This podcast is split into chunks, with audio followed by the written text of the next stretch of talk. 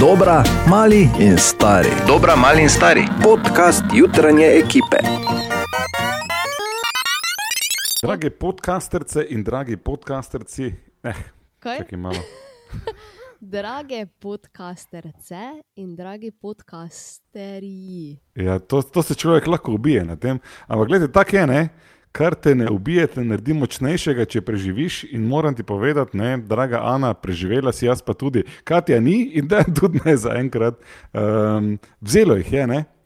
Ampak nič čudega. sva. E, Naporen teden je bil, je teden zdaj ali šesti. Kjer je teden sploh je, zakaj smo v izolaciji? Ne, ne štejemo, to, to že od, ja. od drugega tedna naprej ne štejemo. Zdaj, Pač smo. To, kar je še pa hujše, da ta postopna normalizacija pa prinaša zopet nove izzive, ki so tako na isti ravni kot takrat, ko smo šli v izolacijo. Ker zdaj, kdo bo kam šel, kje bomo, nočemo imeti pleksi stekla povsod, ker počasi bi se lahko človek v pleksi steklo oblekel, pa hodil okoli, da bi zadostil nekim uh, varnostnim razmeram. Hkrati pa po drugi strani vidimo, da v Mariboru je vse prej kot zaskrbljujoče stanje, Ana, ker eh, trenutno jih je natanko, zdaj gledam tukaj 22, 38 ljudi.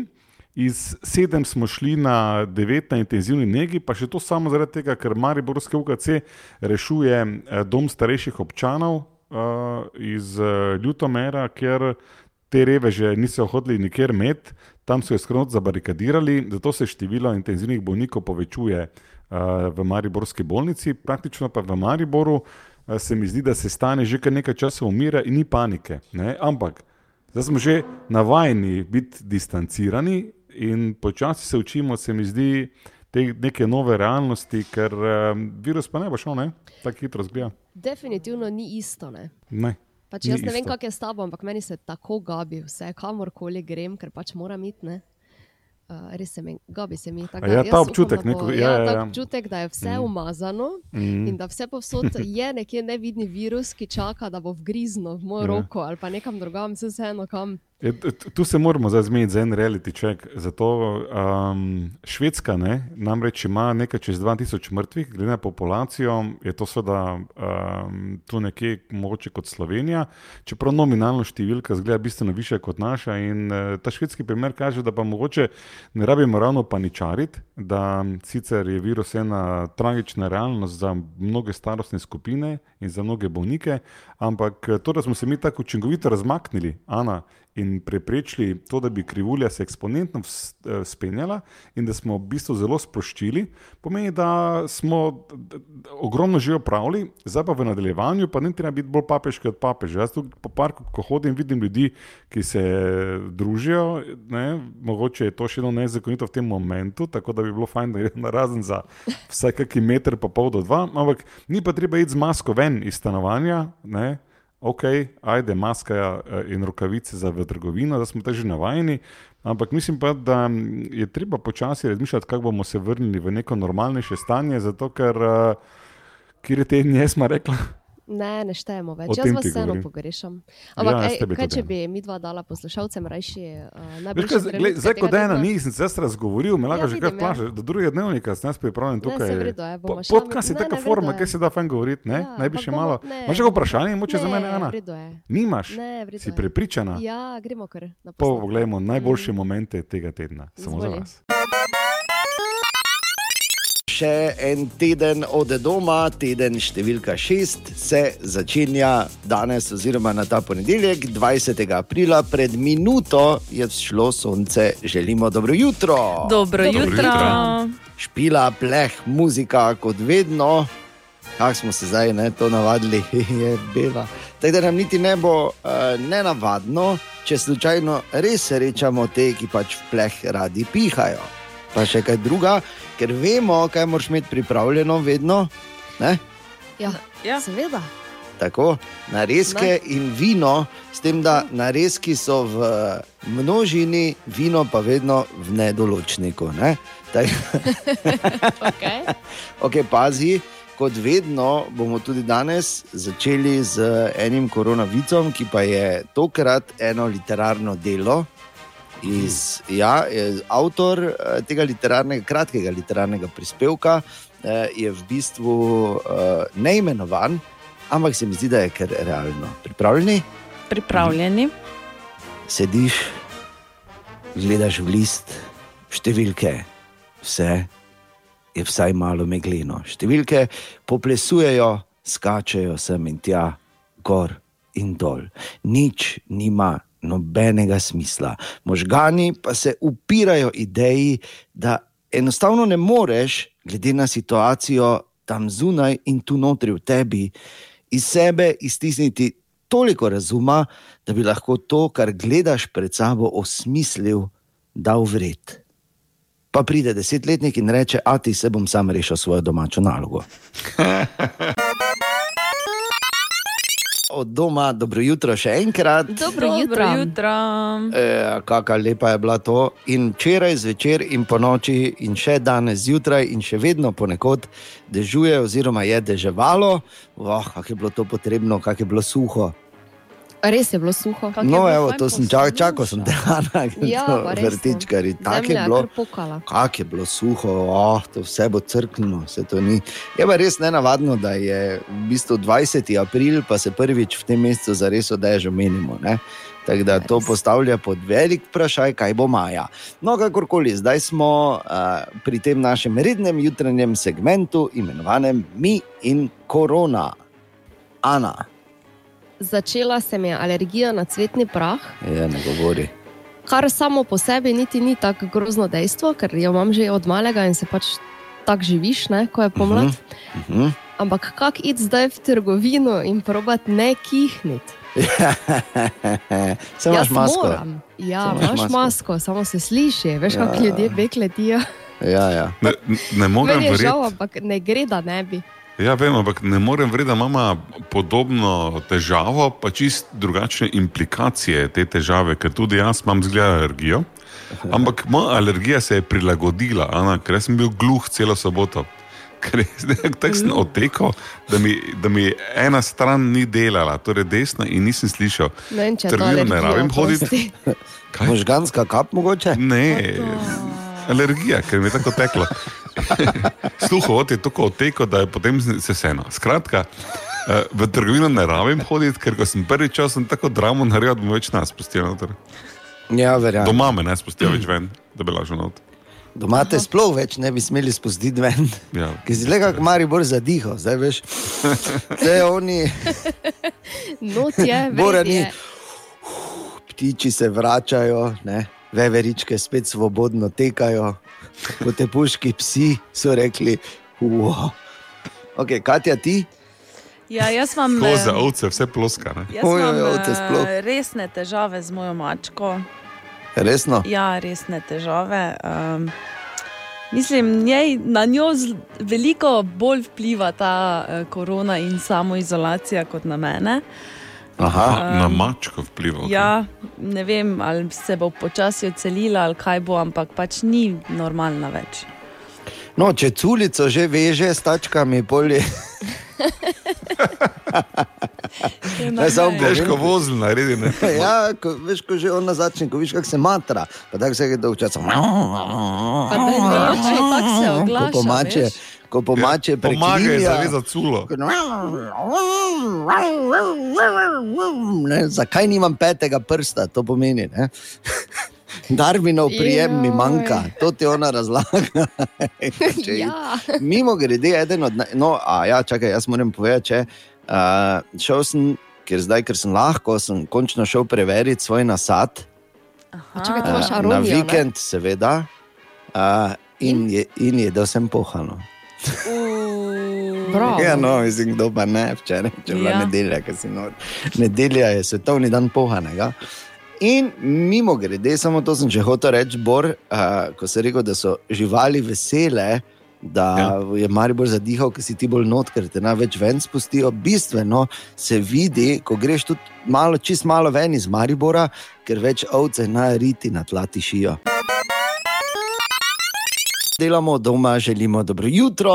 Dobro jutro. Dobro jutro. Dobro jutro. In verjeli ali ne, glede na to, da je seveda odpovedano beseda leta 2020 zaenkrat, eh, so mnoge planirane poroke eh, doživele prav to, in to so bile horde, vsaj po en je bil vedno vesel nekje. Ne? Zdaj pa ali tisti, ko mora plačati, ali tisti, ko mora iti, se veš. Ampak obstaja rešitev, ne bor? Res je, niti ena poroka ne rabi biti odpovedana, čeprav najprej žalostne novice, verjetno še kar nekaj časa, tako pravijo naši viri, ne bo mogoče imeti poroke z več kot 10 do 20 gosti, ampak obstaja pa rešitev, virtualna poroka. Zdaj, na prvi posluh zveni slabo, ampak verjemite, dlje ko bomo se o tem pogovarjali, bolj se bo zdela to kot ena pametna rešitev starega problema. Tako Dobro. pravi Anja Rebek iz Fabulatorija, brez skrbi, poroka je še kako stična, ženin in nevesta se še kako poljubita. Uh, ko preberejo besedno zvezo virtualna poroka, dejansko mislita, da se tudi poljub zgodi virtualno, torej ženin in nevesta poroki prisostujeta preko računalnika. Ne, to ni res. Ženin in nevesta še vedno poroki prisostujeta drug ob drugem, izkušnja je manjša, veliko bolj intimna. Uh, Virtualna ekstenzija te poroke pa je namenjena tistim, ki na poroko dejansko iz takšnega ali drugačnega razloga ne morejo priti. Želimo jih pa v real time, se pravi v tistem času, ko se poroka odvija, imeti tam. Torej, v praksi poroka teče, ženje, nevesta je recimo tista najožja družina, ostali stric iz Amerike ali pa kolega, ki je v bolnici, pa ima nogo zlomljeno, pa to spremljajo preko uh, prenosa, torej preko streama, lahko lajkajo, lahko delajo. Praktično vse, ker mladoporočenca pa še vedno doživita poroko, morda celo bolje, kot bi jo, če bi imela 100 svatov. Mlado poročenca še vedno v celoti doživita svoj krasen, intimen dan. Uh, zbereta si lokacijo, na tej lokaciji se poročita z matičarjem in obema pričama. Uh, zraven pa je seveda prisoten uh, kamerman in digitalni link, preko katerega lahko celotno poroko, obred, prvi poročni ples, priprave na to poroko svatje spremljajo preko računalnikov, tablic ali mobilnih telefonov. In normalno zdaj bi si mislil, ha, ne, kaj pa jesti, pa piti, se na proko vse gre, da se kaj poje, pa spije, to pa tukaj odpade. Na robe. Uh, namreč, vkolikor mlado poročenca želite, lahko mi tudi svatom, ki na oddaljenih lokacijah preko digitalnega linka poroki prisostvujejo, na prak brezstično dostavimo poročna kosila oziroma kos poročne torte. Oh. Ni izgovorov. glej, Sliši se izjemno uh, logično, ampak zdaj pa veliko sreče pri prodaji tega paketa, ker jaz ne poznam ene, ki nima svoje poroke, sanske poroke, splanirane do najmanjšega detajla, že odkar je bila stara tri pa pol. Ne? Ja, ja, ja, samo tu zdaj prije argument. Veš, draga, ko smo hteli imeti 110, jih, pa ni Nismo imeli denara. ne? denar dovoljeval. Ja, pa Lej, zdaj vse nad 20 gor je ista cena po krožniku. ok, tako poroke, kaj pa ločitve. Še enkrat več dobro jutro doma. Dobro jutro. Dobro jutro, od Ja. doma. Od In doma. od, od, Od od doma. doma, iz radia karantena oziroma z pobrežja, tudi danes zjutraj šalca. Dobro jutro. Dobro jutro, Radio City, Radio Karantena na tej strani. Za nami je peti karantenski vikend, pred nami šesti teden ukrepov. V soboto je v nekaterih pekarnah na pobrežju zmanjkalo lepin, kar je dokaj presenetljiv podatek, glede na dejstvo, da smo bili v preteklih tednih priča pravi vojni za kvas v trgovinah. Panika za vece papirjem se je po prvih dneh hitro mirila, tako da z rolami nisi mogel nekega biznisa delati, kvas pa je še vedno tražena roba. Nisem si mislil, da smo mi taki pekovski narod. Lepenje pa so pokazatelj, da smo vikend več ali manj preživeli v duhu starega štajerskega pregovora. Kot je najtežje, še vedno lahko nekaj na žar fu, eh, pardon, vržeš. Upam, da v skladu z veljavnimi odloki. Moj vikend pa je vseeno zaznamoval dogodek iz včerajšnjega sprehoda, ko je že malo dišalo po dežju. Po nekaj dnevih sem se odpravil v stražun, ker ga imam takoj za blokom. Ni gužve, kar pripišem dejstvu, da bo vsak trenutek začelo deževati. Na malo manj obludenem delu poti zaznam von zdravilne rastline. Na klopci zagledam tri fante, opazim, da sedijo na razen kot vedleva odlog, a vsi kadijo eno trobento. Sicer pa stroka ni dala jasnih navodil, kot so to storili pri tenisu in napisali kar 18 točk trenutnega zakona. Ko me fantje zagledajo, dva pogledata v tla, tisti, ki je dlan obrnil in vse malo skril joint, pa čaka, če bom kaj rekel. Razbijem tišino. Kaj je poveci? Predstavnik za stike jav z javnostjo, ki ne gleda v tla, odgovori: O, šalca legenda, kaj je novega? Tako vprašanje je, če se izrazim teniško visoka žoga na mrežo, sploh ker poznam stanje, v katerem se nahajajo. Fantje, pizdarija, koronavirus imamo v Sloveniji. Zdaj, tudi ona dva, ki sta gledala v tla, dvigneta glave, vsi trije imajo male okice in blago zadovoljni teleči izraz na obrazu. Noben ne reče nič. Sem jih pa potem, ko sem bil malo dalje, še lep čas slišal, kako se kotajo od smeha. Priznam, malo sem jim bil fauš. Hkrati pa sem dobil dokončno potrditev, da je pomlad tu. Ne na zadnje so Hrvati posneli in vidi kita pri šolti. Tako imamo, zdržite še malo. Ko, koronavirus imamo, fantje, hudiči. Dobro jutro, želimo od doma. Dobro jutro. Tako, dobro jutro. Vsako jutro ob sedmih imamo gosta, moderatorja. Danes zjutraj je to bil naš vrhunski eh, kanuist na divjih vodah, Benjamin Savšek. Ne pozabi celotne pogovore oziroma eh, celoten, eh, celoten čas, ki ga preživimo z našim jutranjim gostom, moderatorjem, lahko eh, poslušaš še enkrat na našem SoundCloudu, tukaj pa je nekaj utrinkov od danes zjutraj. Bini, zdaj pa ti eh, meni povej, kako to, da se, eh, da se mlad fant odloči, da bo za svoj šport eh, izbral veslanje. Ker zdaj vemo, po večini pubeci začnejo, ne vem, pa bi špilali futbal, pa bi bili, pa bi bili vsi Jordani, pa bi igrali košarko ali bi karkoli delali. Eh, pol pa pride mali Bini, pa reče: Mami, jaz bom pa veslal. Verjetno je. Ja. Dobro, prosti, to je bila slaba. Ne, ne, to je tako. Ne, V tako je bistvu moglo sem- biti. Ne? Ja, v bistvu sem odraščal v bližini reke, ne? tako da sem se veliko zadrževal tudi v reki eh, z družino. V bistvu nekako nam je to že. Po družini so se moja dva brata pred mano že ukvarjala z veslanjem. In uh, je to lep šport, no, na vodi, zunaj v naravi se odvija. Tako da sem se hitro tudi sam navdušil nad, nad tem športom, že kot mali. Sem se pa probal tudi v drugih športih, ne jasno. Mm. No, seveda, se to, to sploh noben ne dvomi. Samo In tam je najbolj šel. Ti moraš dejansko klečati cel čas. Ja, To se jaz ne znam predstavljati. To Se pravi, samo poredni otroci so lahko dobri kanoisti. ne? tako je. Ja, sam ne vem, kaj me je vleklo to disciplino. Oh, wow. In tudi čovn je, v bistvu, uh, čeprav meni zgleda isto, ampak verjetno ni. Ne? Ja, čovan je isti, ja, v do zunaj. Ne? Eh, Aha, okej, samo not je drugače to. Notraj pa imamo v bistvu sedež in to narejeno tako, da v bistvu lahko pokleknemo na kolena. Ne? In zdaj, če, če vemo, da je recimo pri smočarjih je v bistvu tako, da je material izjemno, izjemno pomemben, je verjetno enako tudi pri vas, kanoistih. Ne? Se pravi, ne greš ravno v Hervis si kupiti čovn. Ja, vsekakor te profesionalni čovni eh, so narejeni iz grafitnih vlaken. No? Aha. Eh, tako da je čovn čim lažji. Pa v bistvu je potem tudi občutljiv na vse udarce, ne? ob, ob skale. Mi vsi to, ko veslamo, tako da lepo vidiš, razločiš obraze na plaži, ti pa verjetno se greš v zadru not, pa potem malo pred Dubrovnikom obrneš. ne? Tako nekako. Ja. Koliko si najdlje veslal, evo, kak si naj, kaj, kaj je največja razdalja, ki si jo preveslal? Uh, kaj vem, mogoče smo imeli uh, včasih maratone iz uh, Kopra do Portoroža Aha. in uh, je to kar dolga razdalja. No. O, Ponovadi ja. vmes med veslanjem že toliko začele noge, pa kolena boleti, da, da sem si bolj želel nekako priti ven iz čovna. No. Mm. Kot pa sam tisti napor veslanja. Mm.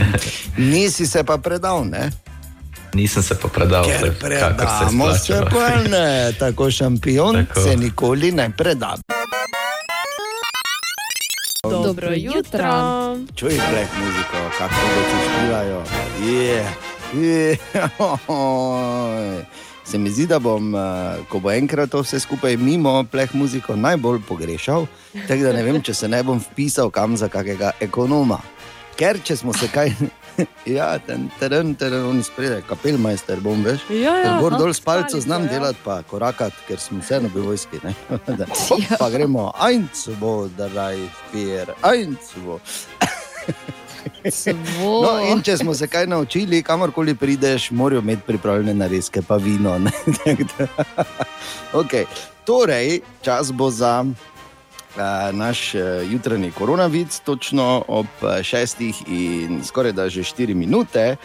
Po raziskavi, ko, bo, ko bo to vse skupaj mimo, po karanteni, jih bo šla polovica najprej k sorodnikom, četrtina pa takoj k frizerju.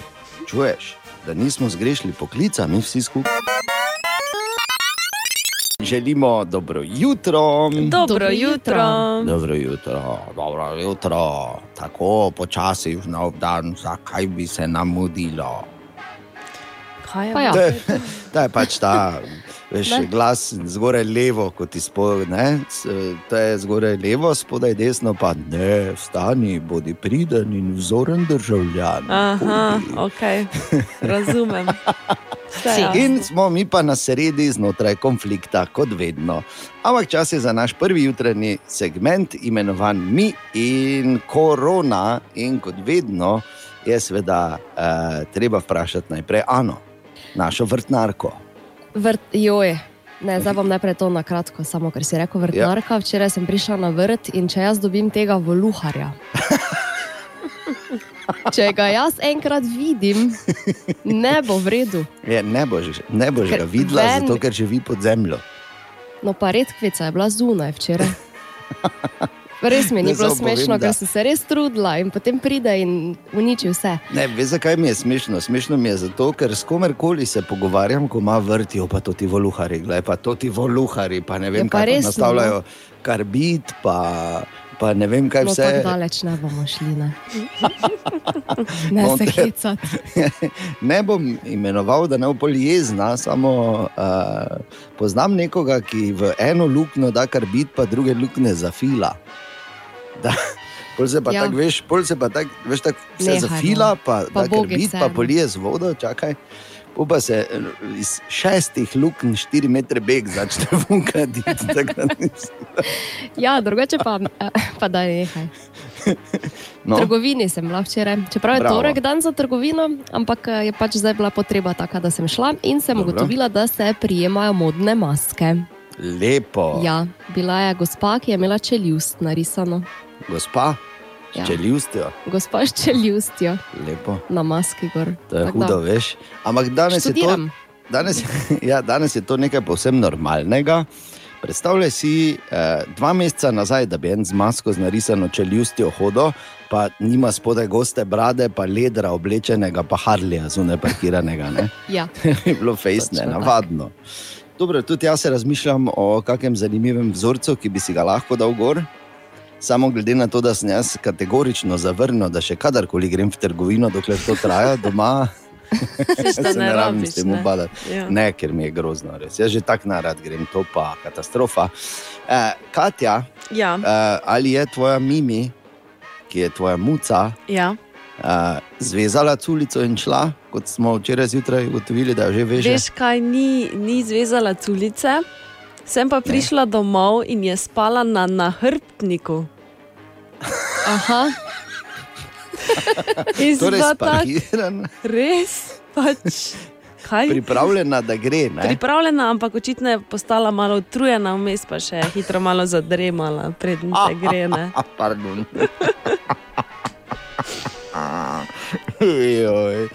No, jaz pa moram reči, da sem uh, se včeraj odločil in si vzel malo časa in uh, malo pregledal ta uh, tako uh, opevani, oziroma težko pričakovani dokumentarec o Michaelu Jordanu. Po mnenju mnogih in verjetno res najboljšem košarkarju vseh časov. Čakaj, kak je junaku naslov, ker vem, da uh, The Last Dance Board. The Last Dance je. Tako in prva dva dela sta že na Netflixu, um, dru, pol pa deset delov bo vse skupaj. Prva dva dela sta že in lahko pogledaš. In, uh, moram reči, da ja, in glede na to, da posod zdaj beremo, da ta dokumentarec je obnorel svet in je ne vem kaj. In, eh, mislim, vse je kul, cool, ne na robe razumeti. In Michael Jordan je. Tudi v moji knjigi, on je eden od junakov mojega otroštva, zagotovo, mm. ker smo, uh, seveda, ko smo še hodili tam v osnovno šolo, pa to smo mi to spremljali na veliko, pa kupovali tiste srpske športne cajtnge, pa revije, pa si rezali vun slike, pa imeli, pa imeli postere, pa vse. In, in je tudi dobro narejen ta dokumentarec, ampak spet je pač dokumentarec o športniku, ne na robe razumeti. Ne, ni zdaj, da bi rekel, zdaj pa je, veš, ne. Uh, tako da, če te zanima košarka in te zanima, kaj se je dogajalo tam, in kak je šla njegova karijera in so igralci in vse skupaj, potem absolutno moraš pogledati. Če pa te ne zanima, pa imam občutek, da te bo vseeno pustilo vse skupaj malo prazno. Borka pa ti? Ja, ne vem, če se vi spomnite, včasih je bila ena igrica, ki se je rekla LCP. Se spomnite? Ja, ja, se spomnim. Ne, se No, spomnim. Kak je LCP? Ja. Kaj je LCP? Ja, ne spomniš se. Mislim, da se res spomniš. Okay, eh, skratka, eh, le bom preveril nekaj, sem malo. Halo, ste vi tam na drugi strani realni? Ste, ste, ste ži... ker, ker meni se vedno bolj zdi, da, je, da, da živim v igrici LCP, ker LCP je bilo Little Computer People in ti si imel ekran, pa v ekranu so notri živeli ljudje. In tako nekako je moja percepcija življenja zdaj. Jaz živim tu in ostali ljudje so v ekranu notri. Hej, vi, zdravo. Kak Bi ste? pa samo rekel, da zanimivo bo, da sem Ja. ja. par dni nazaj prebiral, uh, prebiral neke članke enega uh, priznanega filozofa iz Oxforda po imenu Nick Bostrom, ker to pač jaz delam, ko nimam kaj drugega, pač berem filozofe. Ne? Ja. In uh, razlaga, da, uh, da dejansko ne moramo biti stoprocentno prepričani, da ne živimo v računalniški simulaciji vsi skupaj. Pa to, to jaz govorim. Ja, ja, ja. Ampak pol sem pa vseeno razmislil, da glede na to, da je v mojem neposrednem okolju toliko enih takih karakterjev, ti si pri vrhu, Bor, ki si jih še računalnik ne more zmisliti, tako da bi jaz to teorijo ovrgel. Web, web, web, web check. Pa gremo, Katja. Skupina Marko, band iz Beltincev, Ja, ima, poznam. ima eno težavo, res poznaš. E, ne, žal.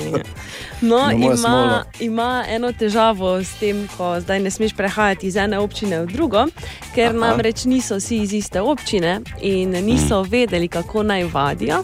So pa našli zdaj en uh, način, kako rešijo to težavo in sicer vsak je na svojem koncu, oziroma v svoji občini, ampak so vsi okrog table. Dobro, ima- imajo srečo, da imajo, da imajo stične točke njihove občine. Ne? ja. Mimo grede, dve, eh, dve zanimivi stvari z Beltinci povezani, bolj hitro, dve dejstvi. Uh, uh, No, so no. v prekmorju, Ne, eno pa na Beso. Bravo. Res? Hvala. Zakaj? Eden mojih najljubših glasbenikov eh, vseh Ja, ja, časov je iz Beltincev, to je Kreslin, to je prvo dejstvo, in drugo dejstvo, da so Beltinci največja slovenska vas. Uh, Ja? Dalje, Katja. Um, eno raziskavo imamo, kako naj bi bile urejene uh, slovenke v času karantene uh -huh. in sicer neurejene. No, evo, pa dalje. evo, rešeno. Ding, ding. In pa Mila Kunis in Ashton Kutcher sta v času samoizolacije začela delati svoje vino. Ki sta ga poimenovala kar karantena vino, in bosta v bistvu celoten izkupiček podarila v dobrodelne namene. Kdo bo te to kislico pil, mi pa imamo tako dobro. Ne? Vsi razen, vsi razen, to pa moram povedati, vsi razen prikati doma, ker tam še vedno imajo aprila. In vsi vemo, če še imaš januara svoje Pa vino.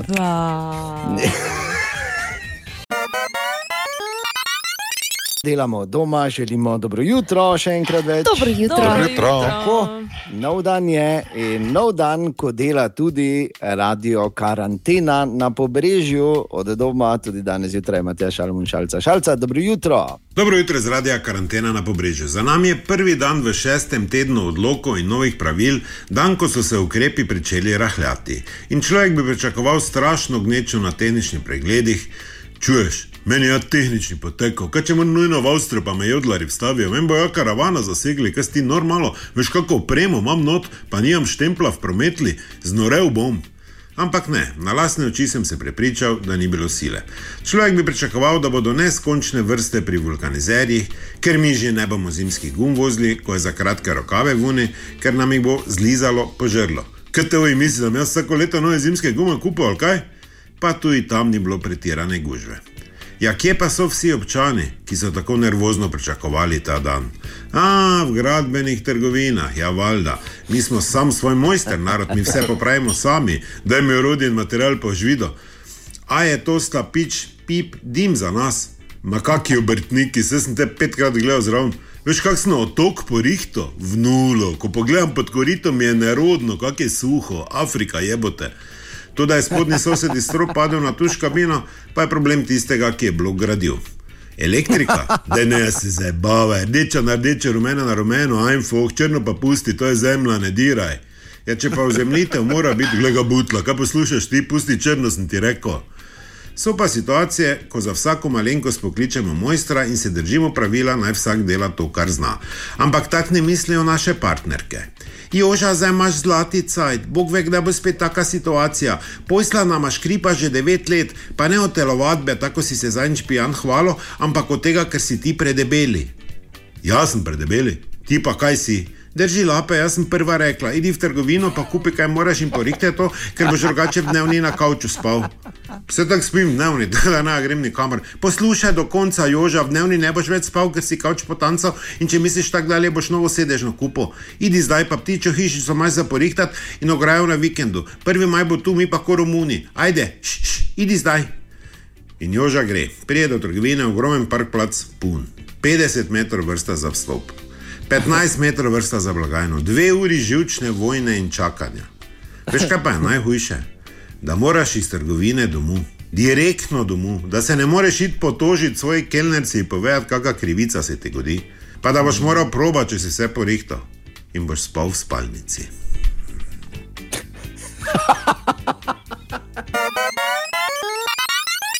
No, vsako jutro imamo pri nas na Radio City gosta, moderatorja in danes je bil to glavni dizajner pri Mercedesu, Robert Lešnik. Izjemno zanimiv pogovor je bil z njim celoti, ga seveda najdeš na našem SoundCloudu, tu pa je nekaj utrinkov. Posebna čast nam je, da je z nami direktno iz Nemčije, Študgarta, eh, vodja centra za oblikovanje zunanjosti osebnih vozil pri Mercedes-Benzu. Kakšna titula, Kaka kaj titula, res si ti nor? Če bolj na kratko bi se rekel dizajner. Ne? Dizajner, ok. okay Robert, gled, kakorkoli rečeš, tako bomo mi upoštevali, ker uh, to je res neverjetno. Ti si eden od tistih uh, Mariborčanov, uh, ki, oziroma naših, kot jim radi rečemo, ki, na katerega smo res ponosni in ki je živ dokaz za to, da če imaš voljo in predvsem kvaliteto, da se da doseči v življenju praktično vse. Ja, bi to tudi podpisal, ja. res ja.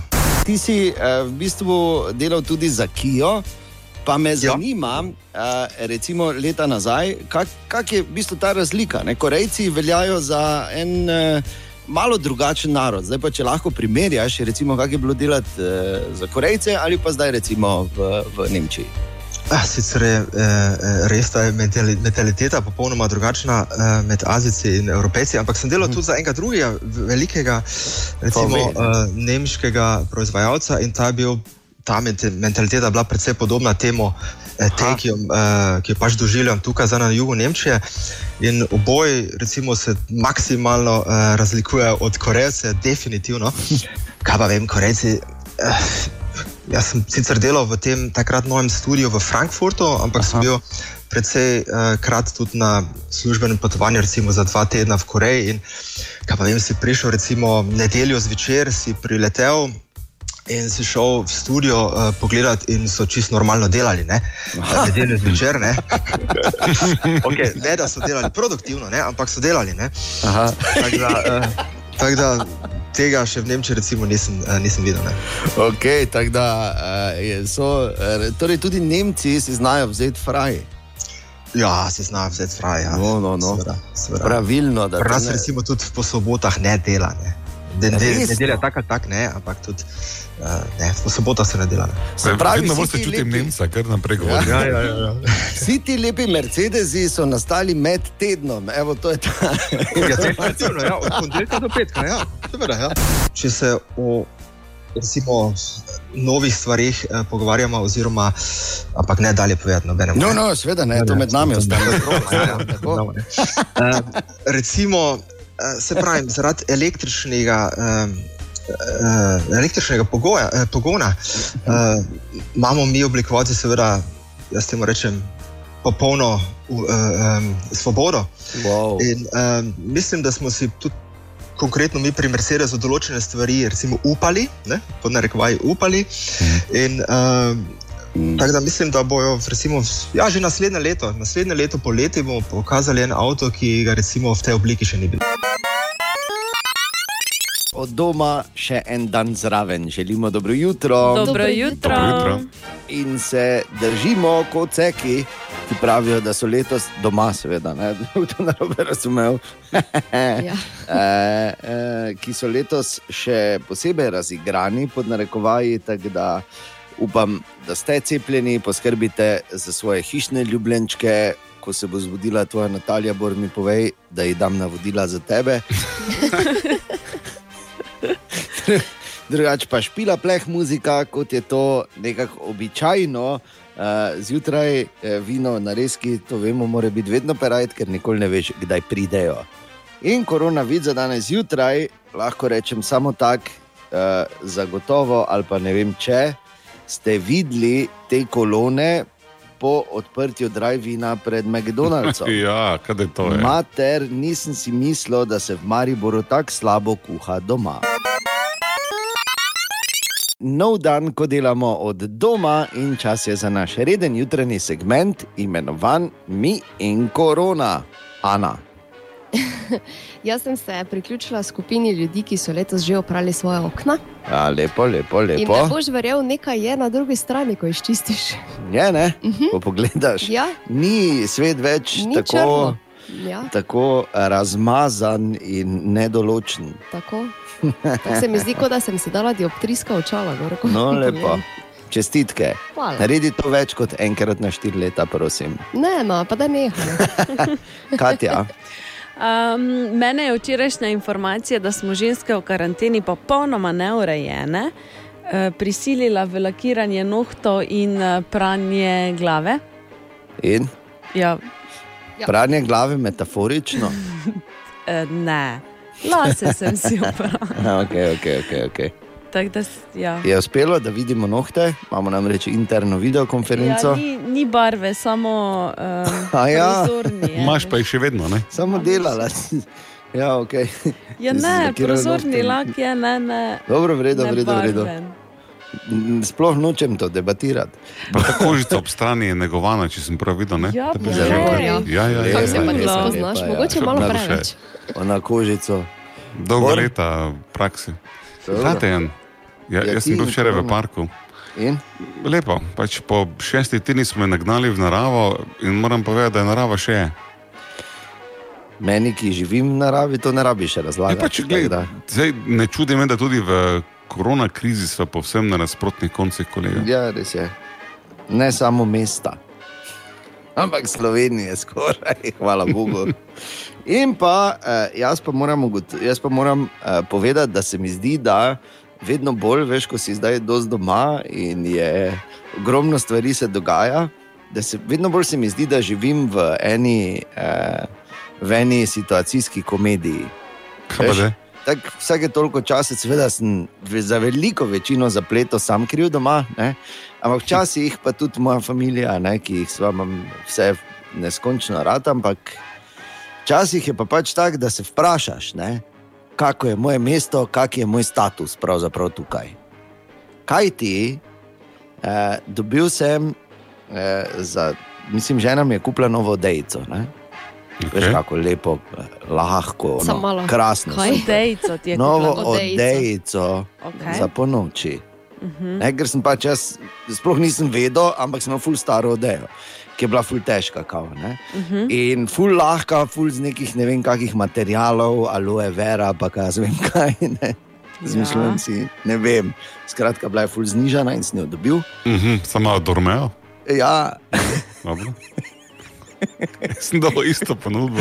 Zgleda, pazi, zgleda, Čakaj, pa ni to ta ta- skladišče. pa ni poanta te ful zgodbe. v poceni, tem. je, okej. Ja, fulja bila, ba je poceni. Ja, ja.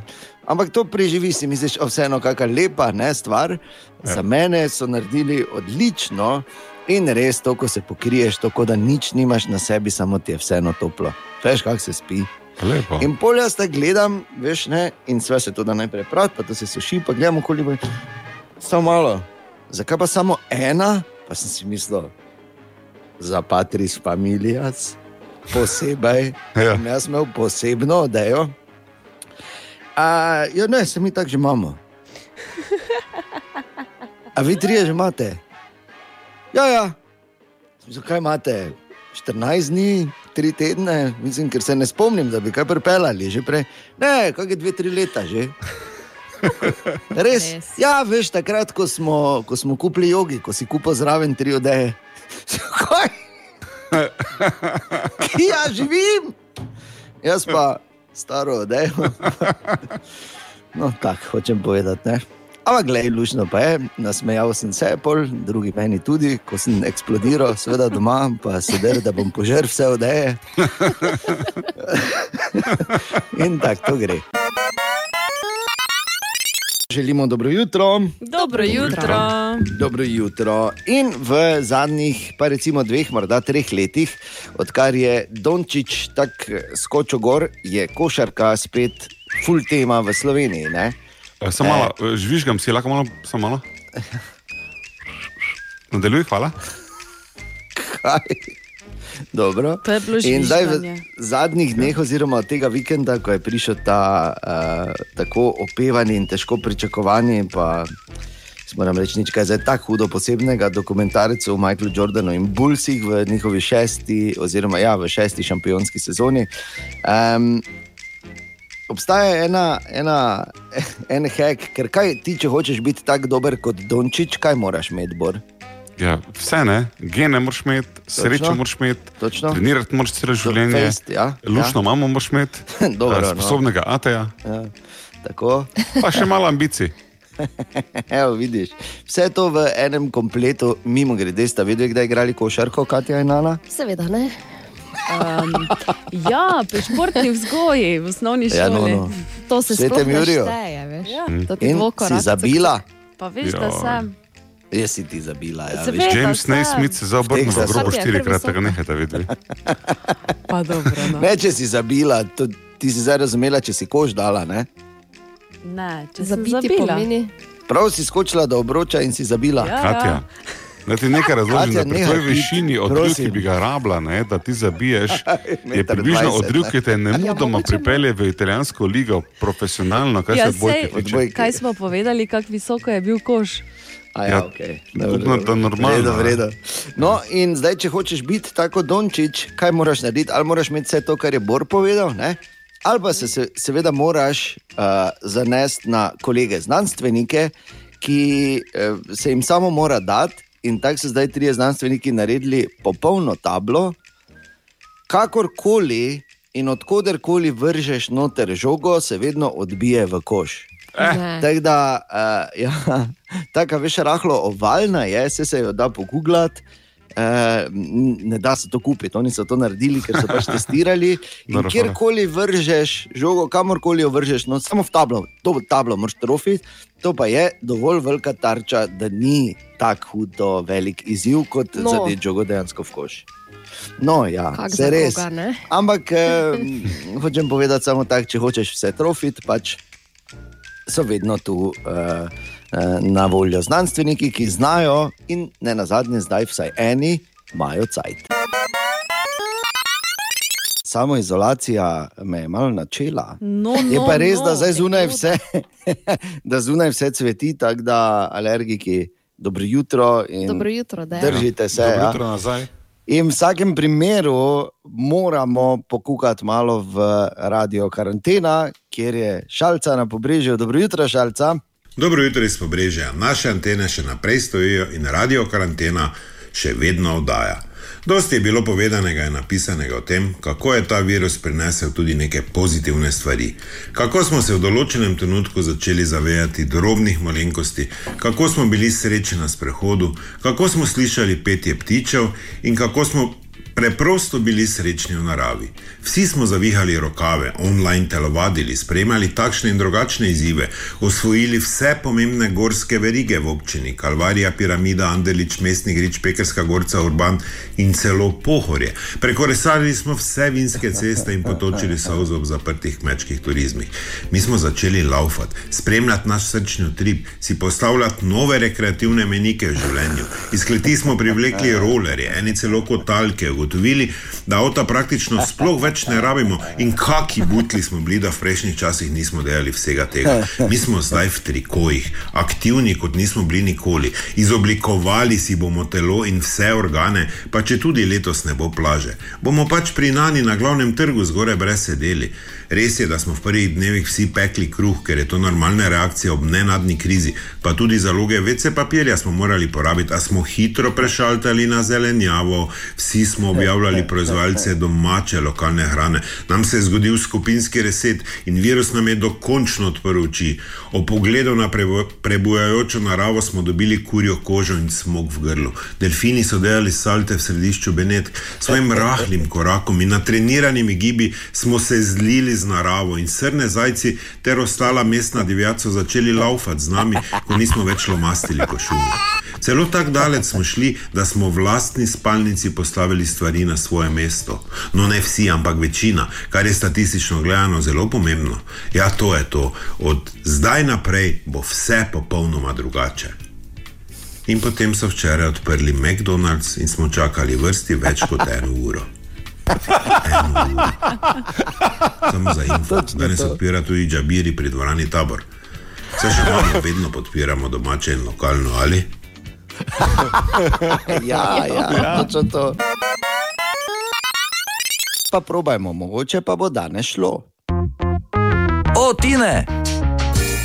Včeraj je bil zastoj, ali je Tine danes tukaj od doma. Halo? Ne, Ne. Sigurno nas zafrkava. A ja. Ja, vedno se. Tine, zdaj te moramo vprašati za zadnja dva dneva. Uh, če pa tako hitro minilo, da sploh ne vem. Sploh ne veš, ne? Eh, eh, en najprej mali tistine, kje je dan danes, hitro povej. Sreda. Bravo. Boljši si kot bor. Boljši si kot jaz, res je. V več pogledih, ampak ne bi zdaj o tem. Tako se menijo, ne? That's what she said. Ja, točno to. Uh, uh, dajmo malo bolj v množini. Ne? That's what they said. Ne? No, pa dobro. tudi malo pustiš bolj odprto, se veš. Torej, ti ne, kaj imaš danes za eno zanimivost? Včeraj smo jo pogrešali. Ja, čak sem imel vse pripravljeno, lepo. Ne, lahko eno, eh, najprej eno mini zanimivost iz eh, dejansko mojega življenja. Ne? No, kar. Bil sem v obju včeraj. In? Noro. Zemljo bi rabo. Kaj nisi, kaj nisi rekel, da, kakaj, gled, če bi rekel, da, bi, da greš biti jaz z enim Zemljo bi 20-30 rabo. Bore. Ja, 20-30 litrov zemlje bi rabo. Zemljo bi rabo. Ja, in kam imam jaz zemljo bi s tabo? Ja, pa bi mi lahko prinesel, ne? Da nam, Idi si, kaj zdaj? če pa je gužva. Se pa ni nekaj najlepšega, pa da ne, 30 kg bilo zemlje nosiš po slovenski. Še niti končala se ni, ja, še niti končala se ni ta kriza, pa smo že izgubili to solidarnost, kaj, ker jaz bi za tebe zemljo prenesel, če bi mi ti rekel. Kdo ti je kavč, non so po O tem ti govorim, ne, če si dal kavč, zakaj, zakaj je zemlja slabša kot kavč? Ja. Ker je ležati v zemlji nekaj tem- drugega. Kako se na tem programu vum verže, to jaz ne morem. No, povej, zanimivo. Ti ne nadaljuj, prosim. Ja? Ne, skratka, eh, dva starejša sta se pogovarjala tam, ko sem malo slišal, mož pa žena sta zgledala, pa je rekla ženska. Eh, tako samo še nemške, nemška poročila so zagledati, tam vse edino po resnici povejo. Ja, res je. To ima dolgo tradicijo, ki se je rodila eh, pred drugo svetovno vojno. Tako da, eh, gledajte, nemška poročila, če več naših ne morete. Dobro. To je bilo to. Drugače ne, ni bilo gužve. No, lepo. Prečerajšnjim, ko pa se je odprlo, pa je rekla gospod na blagajni, da dela že celo življenje tam, pa da je Ja, tega še ni bilo toliko ljudi še. Mm, seveda. E, tudi me je malo presenetilo, ko sem videl slike za fast food eh, vrsto. Zdaj ne vem, Ja, mogoče- lepe, ne? ampak to zdaj ne bom komentiral. Drugače pa ena eh, mini igra za karanteno. Ja. Če svoje ime, recimo, da si napišeš, da je lažje nazaj napišeš, ne? Tako ve, kako Ana ti veš, ne, na Ja. hitro, kako je tvoje ime nazaj. Ne? Joj, ne vem, moram poštudirati. E, Skratka, nazaj napišeš, pa na prvi samoglasnik daš uh, umlaut, kako se da reče, pa ne še. To te dve pikice, ne? Ja. Malo me zdaj to ta ne. Dobiš, jaz dobim turško ime, Jaz ne dobim nič. nejet. Ne je. E, polje R. R, pa ena, pa ej, čekaj malo, ej, tak. Ja, Turki smo. E, nit, in to je tvoje uh, uh, IKEA ime. Nejet. To se sliši kot neka ona. Predalnik. Neki Ko smo- dodatek, ko kupiš za kuhno, ki ga nikoli ne uporabiš. Če ti ne, če boš v Ikejo šel, bi imel pa eno. Daj, eno nehaj, zaodejo, Bor. privlek- Je pa no. Pusti ga. Moram pa Merkurij, če bo. Želimo dobro jutro. Dobro jutro. Ja, dobro jutro, je čuti pleh muziko. Haha. Kaj bo ne navadno, ko nam ne bojo več pilali enkrat, ne? Ampak eh, do takrat bo verjetno minilo še nekaj tednov do popolne normalizacije, no takrat pa se jasno, da držimo doma in upoštevamo navodila, zakaj, ker nam je mar, nam je mar do drugih in ne na zadnje, nam je mar za nas same. Kako sem lepo povedal. Ja, res. Čudovito. Emotivni Solzo četrtek je danes, 23. april, eh, torej svetovni dan emocij, ki jih vedno, če ne drugače, pri nas v jutranji ekipi sprošča burova, borova frizura na vse zgodaj zjutraj. Sploh pa ob četrtkih. Sploh ob četrtkih.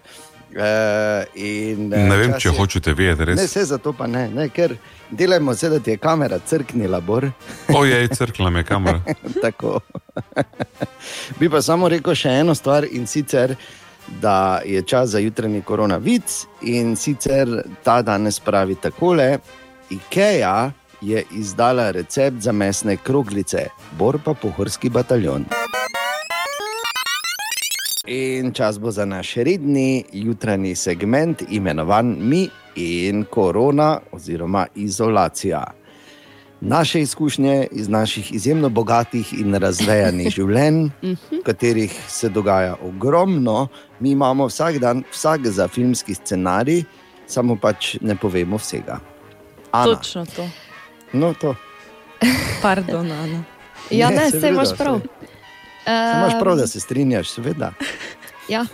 Potreba je bila po enem artiklu in sem včeraj skočila v Europark. O, še stoji Europark? Ja, Ok, super, hvala lepa, Ana. Ah. Katja? Lego.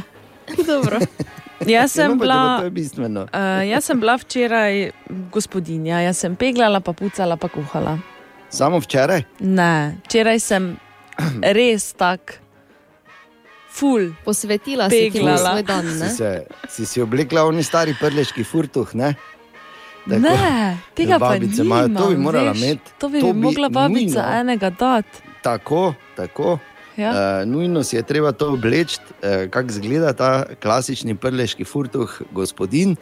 Je taki, ko se obleče do dol, spredaj ima gumbe, pa uh Mhm. -huh. običajno nima rokavov. Ne? Nikoli nima rokavov. Nikoli nima Pa rokavov. dva žepa no, okay, sta. hvala. Dva žepa sta, da se da lepo lahko roke not, ko se razkuri, je pa obhoblan tu na bokih, ko da roke v bok. tu se najprej znuca. Bor, Ja, mi smo v park šli. spet. Mhm. Um, jaz toliko v park nisem hodil v življenju, zdaj ne vem, kaj je hec eh, te korone, ali smo se res vsi tako zamislili na življenje, kaj, ampak ne moreš ne reči, ne, če ti reče v park gremo. Kaj boš To rekel? Ne? nima toliko veze s korono, bolj s tem, da imaš malega otroka. Verjetno, no, ampak glej, eh, imam pa dober trik. Ne? Ko koco razgrnemo, ne? Aha, kot se razgrnete. Ja, kot se razgrnemo, in potem se pa delam, da me malo križ boli od nošenja otroka. Ležim na hrbtu, pazi, mineta dve, tri minute in lepo. Ja, seveda. Ja, za hrgolo sem sekunde 20, prisežem. Tako da danes grem v park, tudi verjetno malo eh, na, na zrak. veš, to. ne, Kot se Ja. reče. Ja. Ja. Tako da, če se bo žagalo, pol moraš vedeti, da je bor. Um, jaz pa včeraj moram reči, ni bilo nekih takih, nekih takih uh, odločilnih premikov. Mhm. Sem pa bil relativno razočaran, uh, da so tek pred Biki v Pamploni odpovedali v Španiji, kar je sicer bilo pričakovano. Ampak eh, vsako leto se veselim tega, da bo moj kaskaderski kolega se vseeno odločil in ga nagovarjam že dolga leta, da bi moral iti. Uh, Če sebi šel samo v park, moram danes več. ja, se vem, park je vseeno Ja. ja. močnejša obveza kot ja. pač seveda to, kar si obljubil, da boš enkrat naredil, pa zgleda, nikoli ne boš. Ampak, ko rečeš, da tek v Pamploni je bil odpovedan, imaš dva načina uh, razmišljanja, oziroma dve stvari, o, dve stvari, o katerih lahko uh, pač poveš zraven. In sicer pazi, prva je ta, kaj je tek pred Biki, uh, kaj te na nas spomnita se srednje šole. In pa druga, Joj, ja, pa še Ja, no, no. druga, tek pred Biki v Pamploni odpovedan, ni problema, samo pogledaš okoli, bor imaš cajt. Dobro jutro, od doma še enkrat. Dobro jutro. In eh, veliko je bilo debate o tem, kako blagodejen, ne glede na to, kako je grozno, vse skupaj povezano z tem koronavirusom, ampak kako blagodejno vse skupaj vpliva na okolje. In zdaj je tu eh, še več številk, in če vas zanima, Jo, seveda. no, no, prosim, lepo. Prosim, Če bi v vsakem primeru povedal, tudi če bi rekli ne, bi rekel, kak sta fuj. No, in pa da vam je vseeno za okolje in da kurblata svoje nikoli. traktore, tudi v nemar, da gor pač to črno svinjarijo spuščajo in tako dalje. Na štand gaso. Ampak eh, pazi. Okay. V Evropski uniji, pazita, eh, so padle dnevne emisije za 60 odstotkov, glede na nivoje, ki so bili pred eh, to korona krizo. Za Wow. 60 odstotkov, in tudi eh, eh, izpusti avtomobilov, ali pa izpusti, ki so običajno povezani z avtomobili. eh, Oziroma, prevoznimi sredstvi so padli na najnižjo raven v desetletjih. Sicer žal pravijo, da to ne pomeni zdaj, da lahko pričakujemo, da se bodo spet uh, rečni raki naselili v naše kontaminirane reke, ne? Mhm. ampak uh, da vseeno pa je nekaj dobrih učinkov, čeprav je vprašanje, če se bodo zadržali. Kaj ti, eh, ti ki merijo globalno, eh, globalni nivo oglikovega dioksida v zraku, eh, so to znanstveniki na havajskem vulkanu Mauna Loa, so povedali, da morajo biti emisije nižje, eh, vsaj 10 odstotkov za celo leto, da bi se dejansko poznalo eh, v njihovih odčitkih. Ampak eh, v vsakem primeru eh, lahko tu izpostavimo tri zanimive točke v tem velikem, na nek način naravnem eksperimentu, ki se je zgodil, za katere pa mnogi upajo, da bodo imele trajni efekt. Prvo, da se bomo še bolj vrnili k, ali pa obrnili k obnovljivim virom energije, ker pazi, v, od 10. marca do 10. aprila je vsa energija, vsa elektrika, ki smo jo porabili v Evropski uniji, eh, oziroma polovico nje, prišlo iz obnovljivih virov. Kar polovica vse elektrike je že iz obnovljivih virov Bravo. v zadnjem mesecu. Ja? A, e, to je recimo ena taka. En taki podatek ki je tudi mene, ki sem okoljsko, ker moram reči, osveščen, vrglo na rit.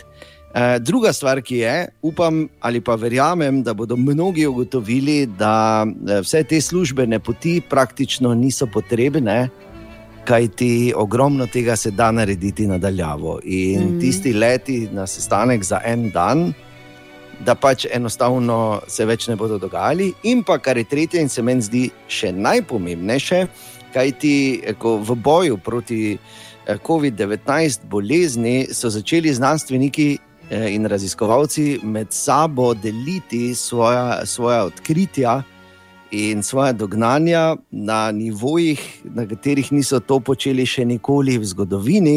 In če se bo ta globalni teamwork nadaljeval, to zna pomeniti eh, tudi že srednjeročno res vrhunske, vrhunske vplive na ohranjanje okolja. Oziroma, kot je rekel Bill Gates, ki si je mimo grede pravkar kupil novo vilo za 42 milijonov. Z da Meliso. Se počuti super pozitivno, kako se lahko povežemo in delamo skupaj. Tudi jaz. Pa dobro jutro, naravi, kak krasno sonce si je zunaj. Dobro jutro. Dobro jutro.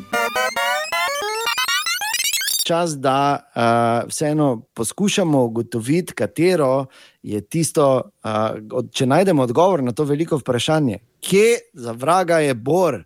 Je pa tu sem, kaj me naj čujete.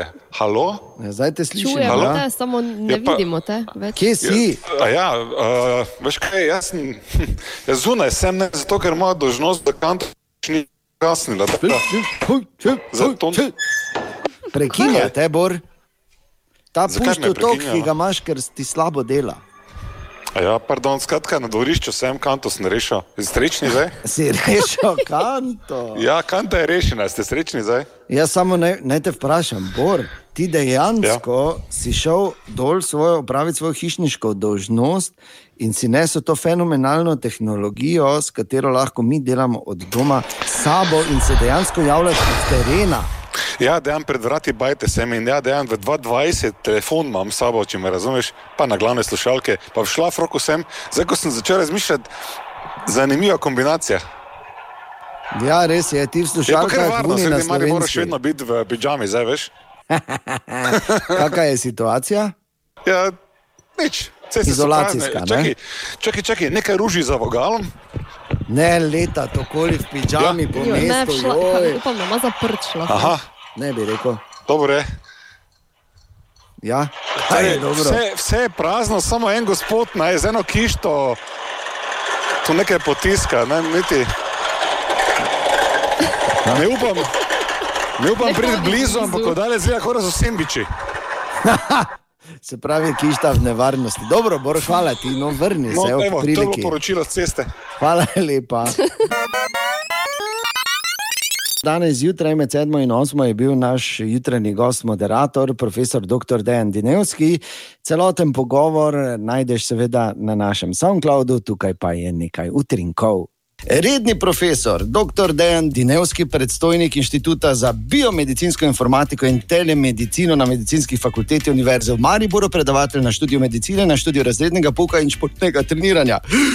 Wow. Evo pa je lešlo. Dobro jutro. Dobro jutro, Dejan. dobro jutro vsem na Radio City. Dobro Vidiš, jutro. končno en, da se oni nau, naučijo, vsi moji sodelavci, doktor Dejan. Zapomnite si to besedno zvezo. Ja, Doktor ja. Dejan. 2001 je bila izvedena prva operacija nadaljavo Ja, ampak je takrat so nogo žagali, ne? zdaj pa lahko na milimetre, že natančno, ali se motim. Ne, 2001 je kirurg iz New Yorka operiral pacijentko v Štrasburu v Franciji in to uspešno Vrhunsko. v celoti. Ampak to je bilo pionirsko. Eh, Dejansko smo pa tudi mi v Sloveniji pred eh, sedmimi, osmimi leti tudi mi začeli to delati, sicer na malo drugačen način. In to v Mariboru je bil eh, pa pionir tega uh, uh, dr. Lanišnik, zdaj predstojnik ORL oddelka. Sicer je on se lotil operacij hm, lobanskega dna, torej izjemno kompleksnih operacij tumorjev, ki so v sredini glave. To je en vrhunski center v Pittsburghu, kamor smo mi šli, si to pogledali.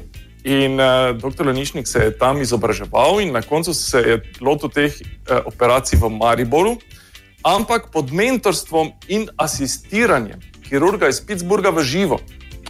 To je, to je tudi nekaj pionirskega. Wow. Uh, mi smo mu priskrbeli tehnologijo, torej videokonferenco, tako kot smo zdaj mi. Uh, kirurg iz Pittsburgha je videl točno, kako uh, ne, videl je enako kot kirurg v Mariboru, ni sicer imel kontrole nad instrumenti, ampak mu je svetoval pri operaciji in to se je izvajalo kar nekajkrat do danes. E, najprej aktualna situacija meni res ne pride do živega, čeprav nekako ne smem, slovenec ne sme javno povedati, da, je, da mu je v redu. ne. Mhm. E, Tako da jaz pogrešam nekatere stvari, najbolj pogrešam zobozdravnico. Aha. Uh, res pa je, da me, uh, jaz sem seveda vedno bil proti temu, da sem se znal distancirati. Mislim, da digitalna tehnologija, kolikor nam pač zdaj pride prav, v resnici malo poneumlja in človeka oddaljuje od sebe.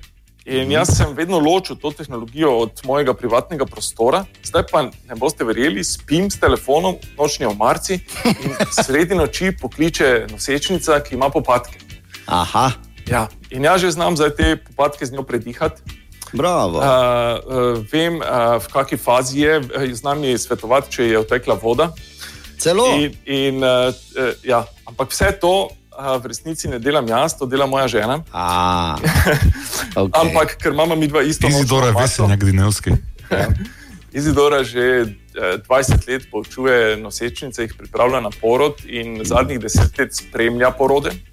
In vsakič, ko spremlja porod, seveda da svojo telefonsko številko in ne boste verjeli, nosečnice večinoma kličejo po noči. Po noči Ja. ja. nekaj zagrabi. Definitivno. In to zvoni na najni nočni omarci in tako skupaj predihavamo popadke. Bodimo hvaležni za to, kar imamo. Mm. In v Sloveniji imamo ogromno, situacija ni katastrofična, daleč od tega. Uh, imamo zelo visoko kakovost življenja in uh, bodimo za to hvaležni, bodimo hvaležni tudi za malenkosti. Hvaležnost človeka dvigne, ga spostavi, torej spostavi človek stik sam s seboj in uh, to je tista uh, najvišja dragocenost.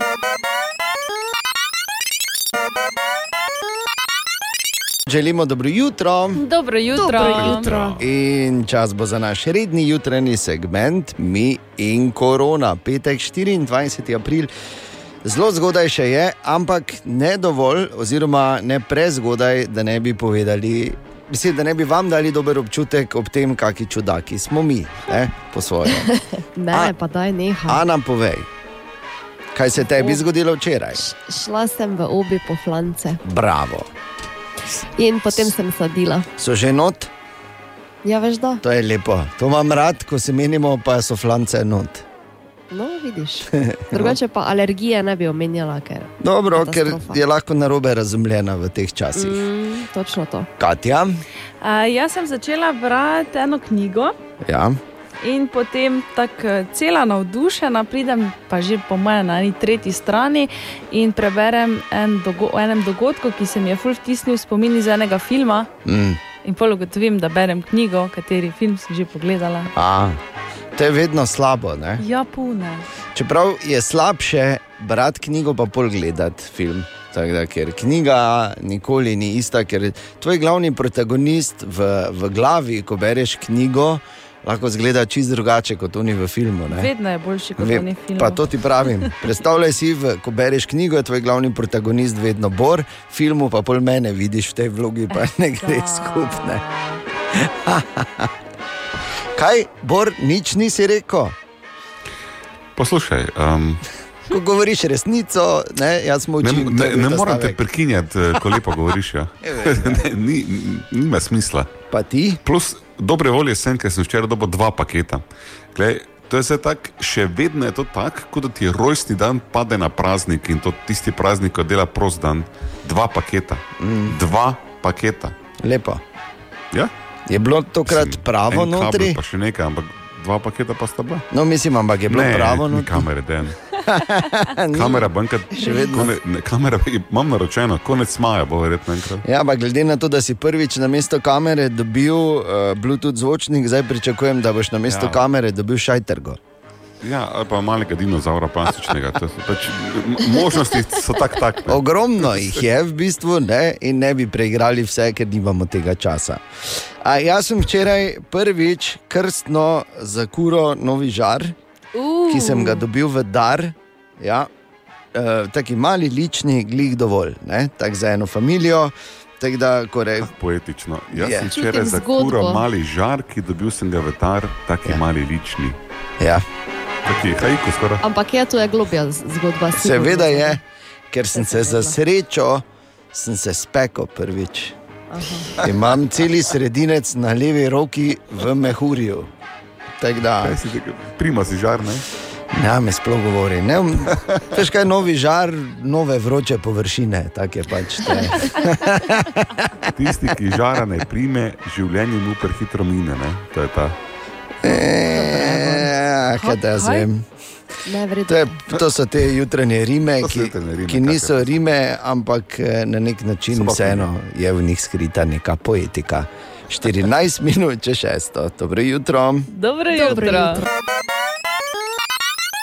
Dobro jutro, ljudje. Dobro jutro. Dobro jutro, Tako, ljudje. petek 24. živali. april, seveda tudi živali, mikro, uh, mikroorganizmi, enoceličari, bičkari in žirafe. Torej. Ja, 15 let je, odkar je bil naložen gor uh, prvi video, ko je Joe Karim gor dal 18-sekundno anamnezo o slonih rilcih v živalskem vrtu v San Diegu. O čem govorim? Ja, YouTube. Aha, Tako. YouTube. Pred 15 leti torej, je bil naložen ta prvi video gor na takrat absolutno nepoznano platformo, ki je potem eh, leta 2005 eh, postala javna v beta verziji in eh, malo kasneje, oziroma do konca leta, torej v šestih mesecih, praktično že bila v polni obliki. Potem jo že samo leto kasneje, pazi, Samo leto kasneje, leta 2006, YouTube kupi Google za slabi 2 milijardi dolarjev. Leta 2007 se rodi pojem viralni videoposnetek. Charlie Beat My Finger je postal prvi viralni videoposnetek. 2007. Leta že. 2007, tako je. A, potem leta 2008 je, dobimo prvi video, ki postavi rekord 100 milijonov ogledov, to je bil video Evolution of Dance. Leta 2009 potem pride Justin Bieber in nič več nikoli ni enako. Leta 2012 vsaj s svojim Gangnam stylom dobi zgodovinsko milijardo ogledov. In uh, od letos naprej se 500 ur videa naloži na YouTube vsako minuto. 500 ur.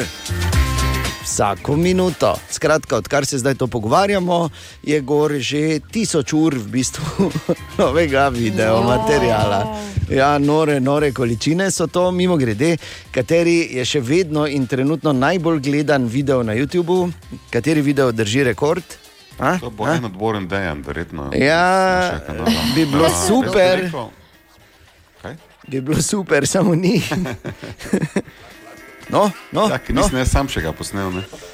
Ja, ok. No, pa dajmo nekaj resen poskus. Ja, Kateri video je najbolj gledan? Despacito.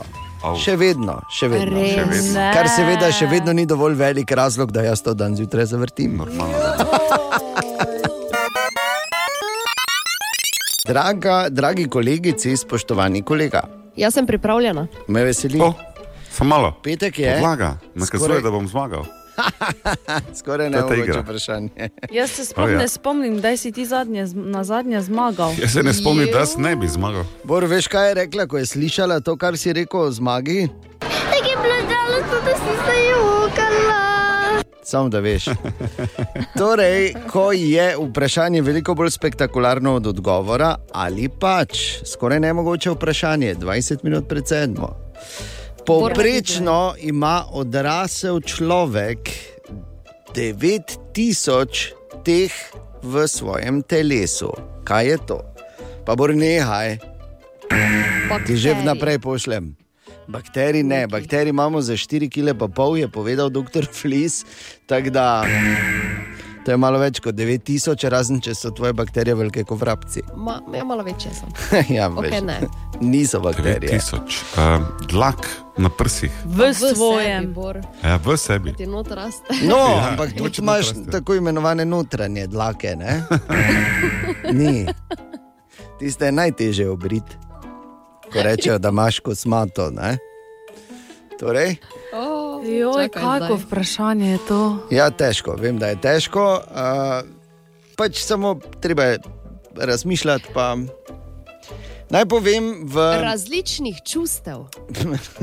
9000. Ja, Zanimivo.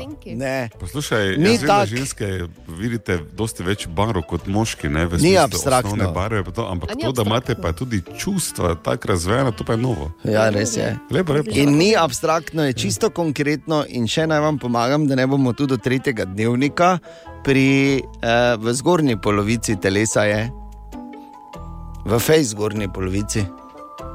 Ha. Živčnih. E, ne, ne, ne, ne, idi tja, ker tega je pa še več kot bakterij, skoraj da, ali No, pa zato razdaljo. Da, Pač no, jaz vse probam, medtem ko sta ona dva tiho. Ne? Ja. Tako da, Bor, Katja. Ne vem, bolj bi rekel besed v glavi. tako da. eh, Ja, pa če ni daj, no, abstraktno. Ne, ni abstraktno. No, 9000 jih imamo poprečno. Ne, ni več, drugi manj. Niso dlake, Kam s temi dlakami? tlak v nosu. Ne, je pa, nos, mislim, je pa blizu to, no, da, da vam še malo bolj. Uh, Aha, torej, Žnodra. Žnodra, 9000 žnodra imamo. Kako te Nisem šteješ? vedel, da je to.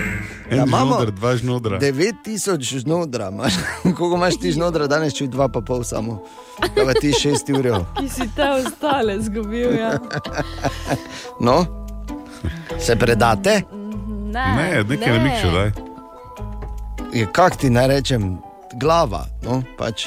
Nima veze z Hvala možgani, nima veze z možgani, nima veze z Ali so nosom, Oči, ali so pa usta, sigurno. Nima veze z očmi. česa. Zdaj pa vam več, vam pa ne morem povedati. No. Brbonči. 9000. Brbončico košalnik, bravo, Ana. Jaz sem vedela, to je moj dan, veš. Ja, ta petek je tvoj dan, ko ti želimo, da ne bi imela niti 50, kaj šele 9000 znotraj. Čestitke. Torej, v pričakovanju vrnitve na igrišča, prvi nogometni polčas na radiju City danes, šalca in tine sta tudi tukaj. Lepo zdrav še enkrat obima. Lepo zdrav. In kaj pravijo prve informacije in razmišljanja? Pa razmišljanje je tako, naš odmev bo večno živel. eh, To je ena pobuda iz srca našega mesta, iz ljudskega vrta. Življenje se je mogoče stavilo na trenutek, zastalo, nikakor pa ni vsega konec. In nogomet je tisto, kar to mesto krasi, za kar to mesto živi in še zdaleč. eh, eh, Ne razmišljamo, da, da, da smo vrgli puško v koruzo, da, da je zdaj to to, ker zopet bo jutri, zopet se bo igral nogomet, eh, zopet bomo tudi na tribunah, zopet bomo živeli za ta klub. Je pa sporočilo seveda to vsem, ki navijajo za svoje klube. Ne rabijo imeti samo vijoličnega srca, ampak vedno je jutri. Ne? Vedno je jutri, in mi smo danes v pričakovanju futbola pripravili kar nekaj zanimivih gostov, in da ga ne pustimo predolgo čakati, ker vemo, da je ta trenutek eden od najbolj zaposlenih ljudi v Evropi, zagotovo predsednik UEFA Aleksandr Čeferin. Gospod Čeferin, dober dan, pozdravljeni. Kak je? Pozdravljeni. Dobro, dobro, v karanteni, tako kot vsi. Ok, in seveda takoj prvo vprašanje, kdaj bo spet nogomet, gospod Čeferin? Zdaj, točno v datumih bi vam težko rekel, lahko pa rečem, da eh, zelo kmalo, po mojem oceni, po televiziji, pa malo kasneje v živo. Kolikor imam informacije, bodo Nemci začeli igrati v maju, nekateri ostali v juniju. Um, seveda brez gledalcev zaenkrat, ampak eh, jaz sem vedno optimist in tudi v tem primeru sem optimist in jaz sem pripričan, da bo nogomet, spet stari, dobri nogomet z gledalci na stadionu, uh, kmalo. Ampak, Pomeni jesen. ok, ampak ne moremo pa tudi ne mimo vprašanja, kakšne pa bodo posledice za futbal. Uh, začasno zagotovo prenaša uh, poleg športnih uh, posledic uh, ogromne finančne posledice. Uh, veliki pritiski so na uh, klube, na lige, na um, krovne zveze. Uh, težko je še oceniti, kakšna bo škoda, uh, ker uh, ne vemo, kdaj se bodo tekmovanja točno nadaljevala. Dejstvo pa je, po moji oceni, da bo pač, eh, bodo posledice ekonomske eh, trajale še nekaj časa, ne bodo pa trajale vedno in nogomet bo kmalu uh, tak, kot je bil. Namreč nogomet je panoga, ki se je popolnoma zaustavila, to je po eni strani slabo, po drugi strani se bo pa ena prvih dvignila, ker ljudje pač kome čakamo, da se začne nogomet in je to produkt, ki uh, bo vedno uspešen. Absolutno, tudi zaradi takega predsednika, ki ga ima UEFA v vas, eh, eh, gospod predsednik, eh, še morda vprašanje, zdaj ko imamo to priložnost. Ne? Kako pa je, kaj vaše razmišljanje ta trenutek o našem klubu, o Mariboru v teh časih? Zdaj, slovenski nogomet na splošno je eh, dosegel veliko uspehov, eh, več kot mnoge velike države. Karkoli smo naredili s temi sredstvi, smo naredili pravzaprav eh, čudeže. Enka Maribor pa, verjemite mi, poznajo vsi v nogometni Evropi. To ni diplomatska uh, izjava zaradi tega, ker se pogovarjam z vami. Gre za to, da je klub vrhunsko organiziran z relativno ali, ali absolutno gledano zelo majhnim proračunom, da so rezultati pravzaprav naravnost fascinantni in da mene osebno in tudi, in tudi ljudi po Evropi navdušuje tudi uh, zelo zvesta publika, ki kluba ni zapustila uh, tudi pri kakšnih slabših rezultatih. Tako da odlično delo vseh skupaj in jaz mislim, da je kvaliteten in dober enka Maribor ključen za usodo slovenskega nogometa v prihodnje, tako kot je ključna tudi Olimpija. A, hvala za te besede, gospod predsednik Čeferin. Morda še ob koncu te debate, kako je vaše sporočilo v bistvu uh, vsem tam zunaj, oziroma nam tukaj v Sloveniji. Jaz bi samo povedal, bodimo optimistični, glave gor. Uh, preživeli smo, človeštvo je preživelo že hujše krize, Slovenci smo disciplinirani, smo sposobni. In uh, verjemite mi, življenje bo kmalo spet normalno. Jaz sem prepričan, da bomo iz te krize izšli pametnejši in tisti, ki bomo uh, se zavedali, uh, kaj, ta, kaj je ta kriza prinesla ali pa našega življenja prej, bomo iz te krize izšli tudi močnejši. Najlepša hvala predsedniku EFE, gospod Aleksandr Čeferin je bil to naš odmev, bo večno živel. V pričakovanju vrnitve na igrišča prvi futbalski polčas pri nas danes na radiju, naš odmev bo večno živel, šalca in tine sta tudi še vedno tu pozdravljena. Jaz ne rad časa karantene, to kar pozdravljam. okay. Jaz sem bil hotel reči, v redu, zdaj smo se zdaj že dolgo. Ampak kot je rekel uh, predsednik OEF-e par minut nazaj, posebej za nas, uh, da se bo kmalo, torej futbal tudi začel, hvala Bogu, verjetno še ne uh, z ljudmi na tribunah, ampak zato pa so toliko bolj pomembne te emotivne zgodbe, ki jih je ogromno povezanih s futbalom. In uh, moram reči, da je šalca mi dal nalogo, pa tudi Tinčko, da moramo razmisliti, kaj, kateri pa je tisti moment, ki bi ga izpostavljal. Pa če lahko zdaj, če že govorim, ker prvega povem. Ja, seveda. No, seveda, ne, je kako pa.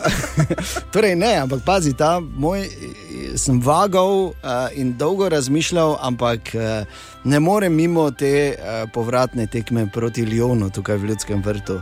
In ta dva gola, Anteja in uh, Stipeta, in potem ta prva vrstitev v Ligo prvakov, ker pol še menda dva dni nisem spal, to je bilo tako doživetje. Bilo je pa tako, tak, tak z tistim prvim golom v Kijevu, ampak tista je spet že druga zgodba. Lepo. Lepo, ne? Ja. Ne morem reči. Ja, vse mislim, te so vezane. Jaz se spomnim naše druge, se pravi v Glasgowu, ne, ja. proti Celtiku, ker pač klasični stadion, stari, njihova pravila. Mislim, se vem, da zdaj nima nobene veze s športom, ampak vseeno, kadit ne smeš. Ne. In mi je sekretarjem Jurišičem, ki bi lahko kamot v dvojicah nastopala v nekem, nekem odprtem prvenstvu v Kajenju, sploh ko gre za ligo prvako, ne, mislim, da yeah. tam bi kadil tudi, če ne kadiš. V glavnem pač zagrožena kazni je bila, da te na trgu strelijo, obesijo, ne vem, da pridejo oni stari vitezi, pa da tam pač kadijo. Odsekajo glavo. Jaz nisem, jaz sem se bal, ne. on ni vzdržal, ne. v bistvu tega je pa, da smo prišli v ligo prvako, pa mogoče druga. Um, Hapoel, uh, izraelski, prva tekma tam. Oh, ja. uh, ne, Berševa, Ja, pa Alberševa Ja. v Puščavi, kjer pa že eno uro pred tekmo na stadionu bilo tako bobnanje, kot da nas bojo skuhali pa pojedli. Mislim, res atmosfera, ono, veš, da ti dlake po konci, ne da, zdaj, da bi se nekaj bal pa to. Sedel sem za našo klopjo, takoj za našo klopjo in bil je trenutek, ko je Handanovic se poškodoval. Mm. In je Coti, Cotman pač se je mogel vstati v tej galami. In zdaj jaz verjamem, ker jaz se niti vstati ne mogo, če je bil tam na klopi. Ne, in mm. pač ni dajal nekega videza, da bi zdaj bil pripravljen, da gre v igro, normalno. Um, tako da jaz sem se pa tudi stran obračal, če bi kdo mene zaradi mase, tisti, ki je tako dal na gul. Mislim, tu smo tudi pol doma to rešili. Ja. Ja. To so pač trenutki, ki jih res ne pozabiš eh, celo življenje in bojo še, jaz sem siguren. Se pa veselim zdaj Tinčkove zgodbe, Ja, definitivno. jaz tudi cel čas že. Torej? Dobro, zdaj poleg vseh teh tekem, ki so res bile od uvrstitve sem tja do prvaka, ampak ena. Eno sem si zapomnil, ki se je v bistvu prav dobro ne spomnim, ne? Tako povedal, ne. ker sem prišel direkt iz eh, trgatve v Prlekiji, kar že samo po sebi dovolj pove. Ja. E, vem, da me je takrat šalca doma še najhujšo kavo na svetu skuhal, da sem vsaj lahko približno govoril, ker imel sem pa to v mislih, gledaj, smo ni delati na tekmo. Ja. In sem takrat prišel, vem, da sem eh, z rudarjem smo igrali. Ja. In smo imeli pred tekmo, mislim, da je bilo pred tekmo, Pred tekmo bilo, ja. eni petminutni samogovor o kvaliteti trave v Ljudskem vrtu. Mimo grede o travi nimam absolutno pojma nobenega.